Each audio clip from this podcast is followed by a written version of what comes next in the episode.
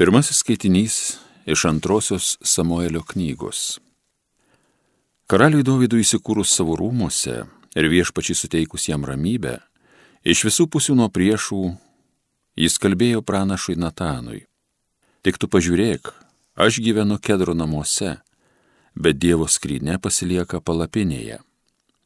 Natanas karaliui tarė, eik ir daryk visą, kas tavo širdyje, nes viešpats yra su tavimi. Bet tą pačią naktį atėjo viešpatie žodis Natanui. Eik ir sakyk mano tarnui Dovydui. Taip kalbėjo galybių viešpats. Argi tu man pastatysi namus gyventi? Aš paėmiau tave iš ganyklų, nuo avių kaimenės, būti mano tautos Izraelio valdovu. Buvau su tavimi, kur tik tu ėjai, ir pašalinau visus tavo priešus tau iš kelio. Be to aš padarysiu tavo vardą taip garsų, kaip yra garsus vardas didžiūnų žemėje. O savo tautą Izraeliui paskirsiu vietą ir juos tvirtai pasodinsiu, kad saugiai gyventų ir daugiau nebebūtų varginami. Nedori žmonės nebenks jų daugiau kaip kadaise, nuo to laiko, kai savo tautai Izraeliui paskyriau teisėjus. Aš duosiu tau ramybę nuo visų tavo priešų. Viešpats sako tau, kad jis viešpats padarys tau namus. Kai pasibaigs tavo dienos ir tu atgulsi su savo protėviais, aš pakelsiu po tavęs palikuonį, kilusi iš tavęs, ir padarysiu tvirtą jo karalystę. Aš būsiu jam tėvas, o jis bus man sūnus. Tavo namai ir tavo karalystė bus amžinai tvirti mano akivaizdoje. Tavo sostas bus tvirtas amžinai. Tai Dievo žodis.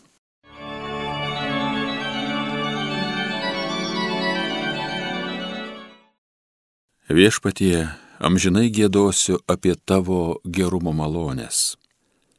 Gėdosiu viešpatie amžinai apie tavo gerumo malonės, tavo ištikimybę kartų kartoms apsakys mano lūpos. Juk pažįstu, kad amžina yra tavo ištikimoji meilė, tvirta kaip dangaus kliautas tavoji ištikimybė viešpatie, amžinai gėdosiu apie tavo gerumo malonės. Tu pasakėjai, aš sudariau sandorą su išrinktuoju, savo tarnui Dovydui prisiekiau, tavo palikonis bus visuomet karalius, visoms kartoms patvirtinsiu tavo sostą. Viešpatie, amžinai gėdosiu apie tavo gerumo malonės. Jis man sakys, tu mano tėvas, mano Dievas, uola išganimo mano. Per amžius įremsiu ištikimąją savo meilę, tvirta pasiliks visada sandora mūsų. Viešpatie, amžinai gėdosiu apie tavo gerumo malonės.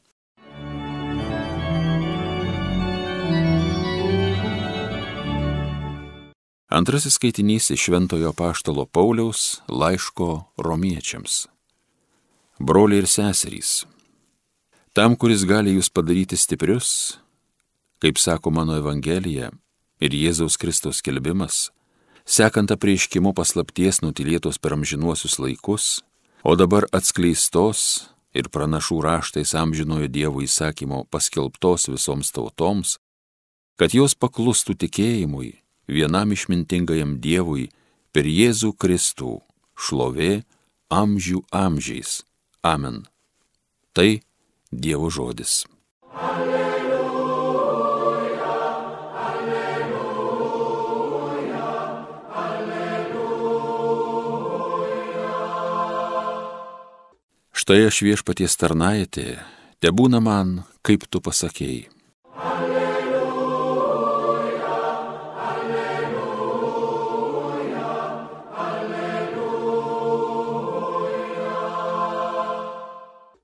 Pasiklausykite šventosios Evangelijos pagal Luką.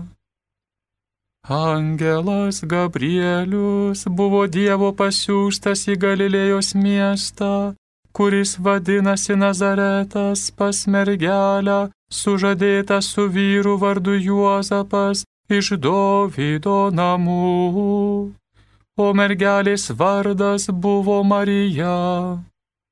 Atėjęs pas ją angelas tarė, sveika malonėmis apdovanotoji, viešpats su tavimi. Išgirdusi šiuo žodžius jis sumišo ir galvojo savo, ką reiškia toks sveikinimas.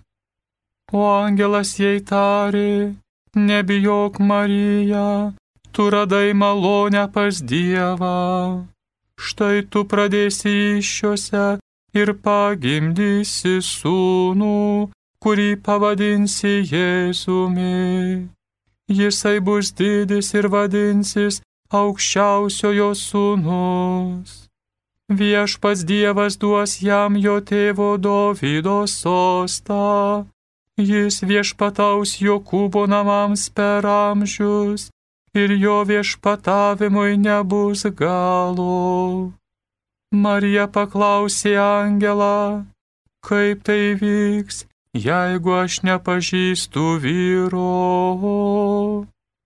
Angelas jai atsakė, šventoji dvasia nužengs ant tavęs ir aukščiausiojo galybė pridengs tave savo šešėliu.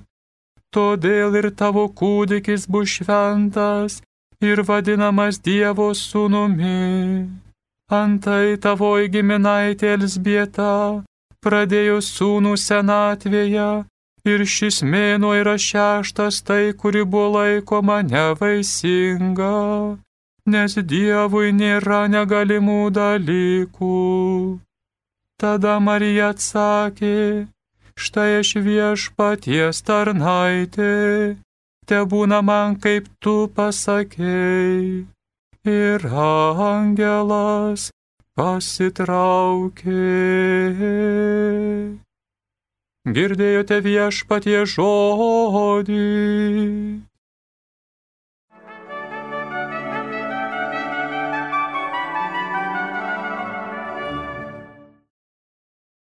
Mėly Marijos radio klausytojai, keistas šis ketvirtasis Advento sekmadienis.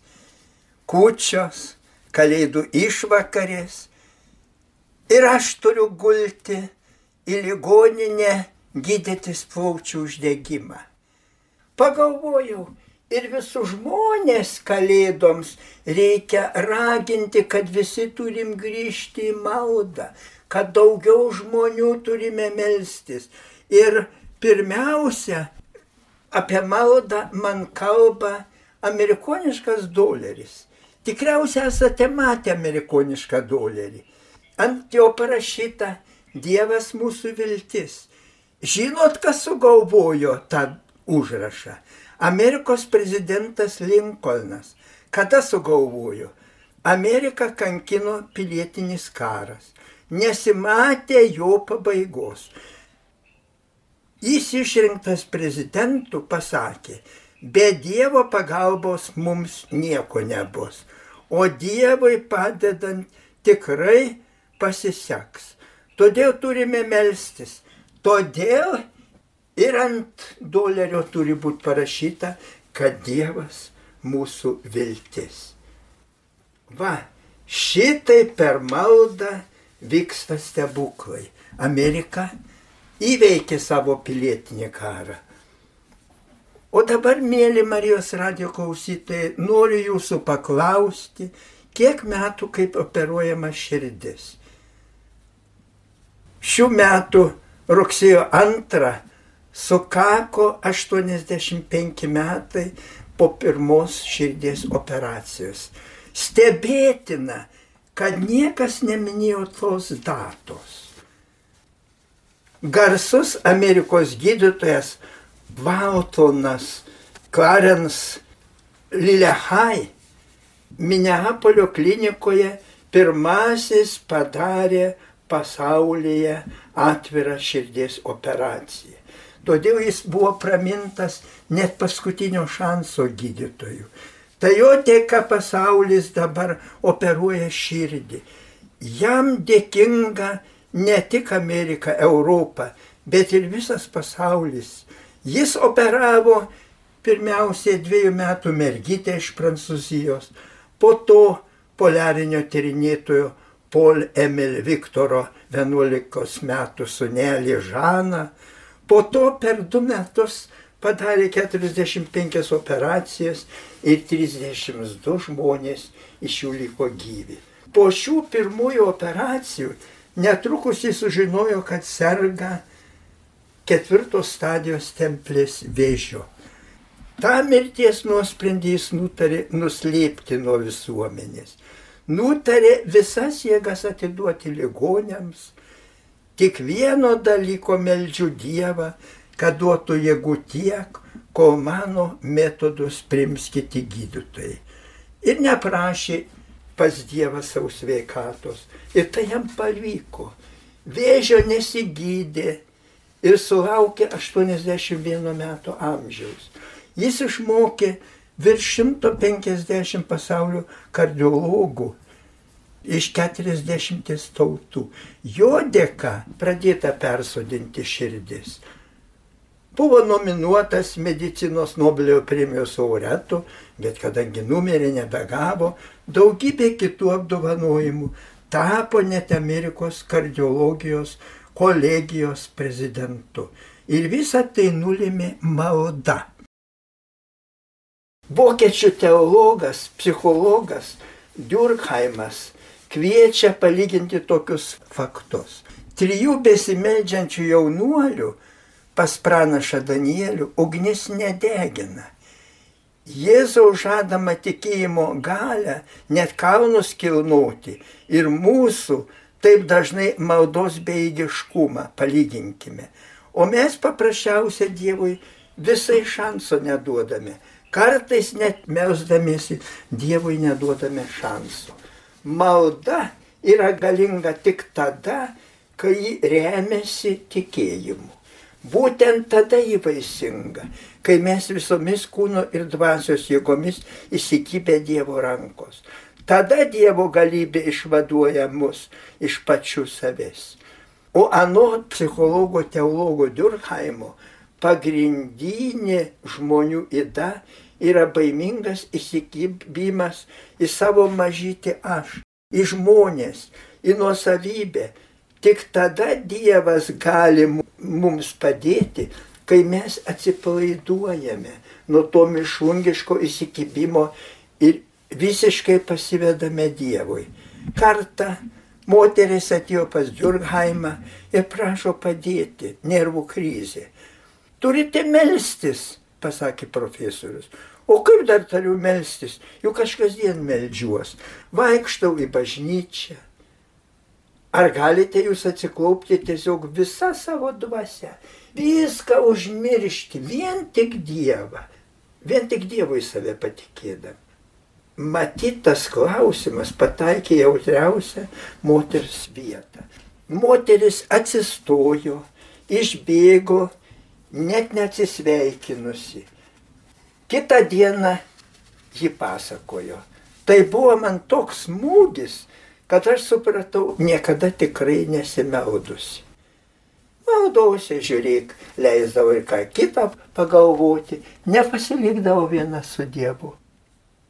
O tada, kai man šitai pasakė, kad reikia viską užmiršus būti tik su Dievu, bėgau vis greičiau, vis per kelis viešbučio laiptus šokau, kaip koks berniukštis uždususi įpuoliau į kambarį ir užsirakinau. Ir kritau ant kelių. Nieko nebejaučiau. Tokioje laikysenoje tarsi ištirpo viskas. Jaučiausi visišką bejėgį. Ir štai aš kitas žmogus. Be vakarykščių problemų. Štai kokia malda galinga sveikindamas su ateinančiomis kalėdomis, su Jėzaus gimimo švente. Noriu pasakyti, kad visiems mums svarbiausia atgimti. Kai pasaulyje tai baisiai skleidžiasi bedėvybė, mes turime maldą stengtis atgaivinti pasaulį. Ir aš ligoniniai būdamas kartu su jumis melžiuos. Melskitės, brangieji, kad pasaulis padėtų mums pakilti iš visų savo problemų. Niekas kitas negali padėti, kaip tik viešpats Dievas, jeigu su juo esame vienybėje, jeigu melžiamės. Amen.